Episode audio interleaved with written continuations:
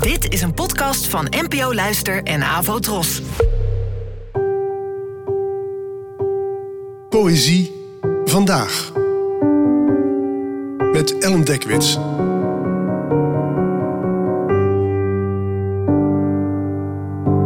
Hallo, fijn dat je luistert. Het gedicht van vandaag heet Ik ben niet bang en werd geschreven door de Nederlandse dichter en schrijver Jan Arends, geboren in 1925 en gestorven in 1974. Ik ben niet bang. Ik ben niet bang voor wat er zal gebeuren. Er zullen witte dieren door het veld gaan lopen en dat zal alles zijn. Soms kan een gedicht de vorm van een mantra aannemen. Er was een tijd waarin ik erg last had van angsten. Ik was jong, de wereld was overdonderend, ik had het gevoel dat ik het nooit goed zou doen. Ik wist niet hoe ik moest leven, terwijl om me heen iedereen een plan leek te hebben, stond te popelen om er maar iets van te maken. En in die tijd las ik veel poëzie van Jan Arends. Hij schreef korte gedichten over zijn eigen worsteling met maar te moeten bestaan. En dit korte, maar niet kleine vers van hem raakte me toen enorm. Het gaat over moedig zijn, misschien tegen beter weten in. En er zijn nachten geweest waarin ik de eerste regels, ik ben niet bang voor wat er zal gebeuren, voor me uitfluisterde, haast om alle onrust te bezweren. Het beeld van de witte dieren in het veld vond ik ergens troostend. Het had iets onschuldigs en het verloste ook weer van een idee van eenzaamheid.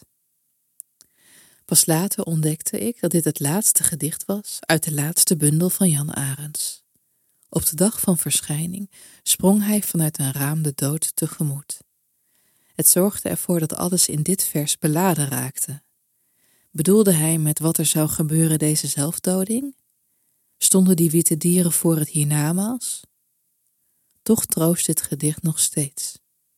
Vasthouden, geloven in een lief beeld, misschien zelfs tegen beter weten in, volhouden dat je niet bang bent voor wat er zal gebeuren, is soms alles wat we kunnen doen. Bang zijn voor wat er zal gebeuren en zeggen dat je niet bang bent voor wat er zal gebeuren, is soms de eerste stap naar moed. Of hoop.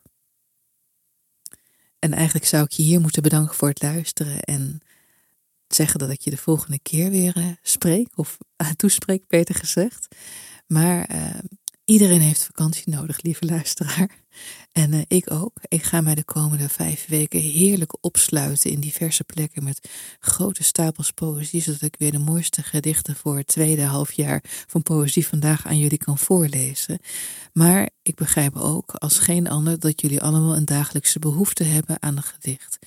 En ik heb iemand gevonden die mij deze zomer gaat vervangen. En het is niet de eerste en de beste.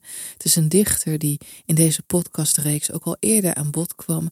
Het is de onvergelijkbaar, onvergetelijke en hopelijk ook onsterfelijke Ingmar Heitse. Geboren in 1970, u kent hem misschien als oogdichter bij Met het oog op morgen en eigenlijk, als ik zo mag zeggen, al twintig jaar lang de officieuze dichter des vaderlands. Hij zal vijf weken lang zijn lievelingspoëzie met jullie gaan delen en ze toelichten. Geniet ervan. Zijn stem is op trommelvliezen als balsem voor het gehoor en jullie horen mij weer als ik volgeladen ben met poëzie en vooral nachtrust. Bedankt voor het luisteren en tot de volgende keer. Afro Tros, de omroep voor ons.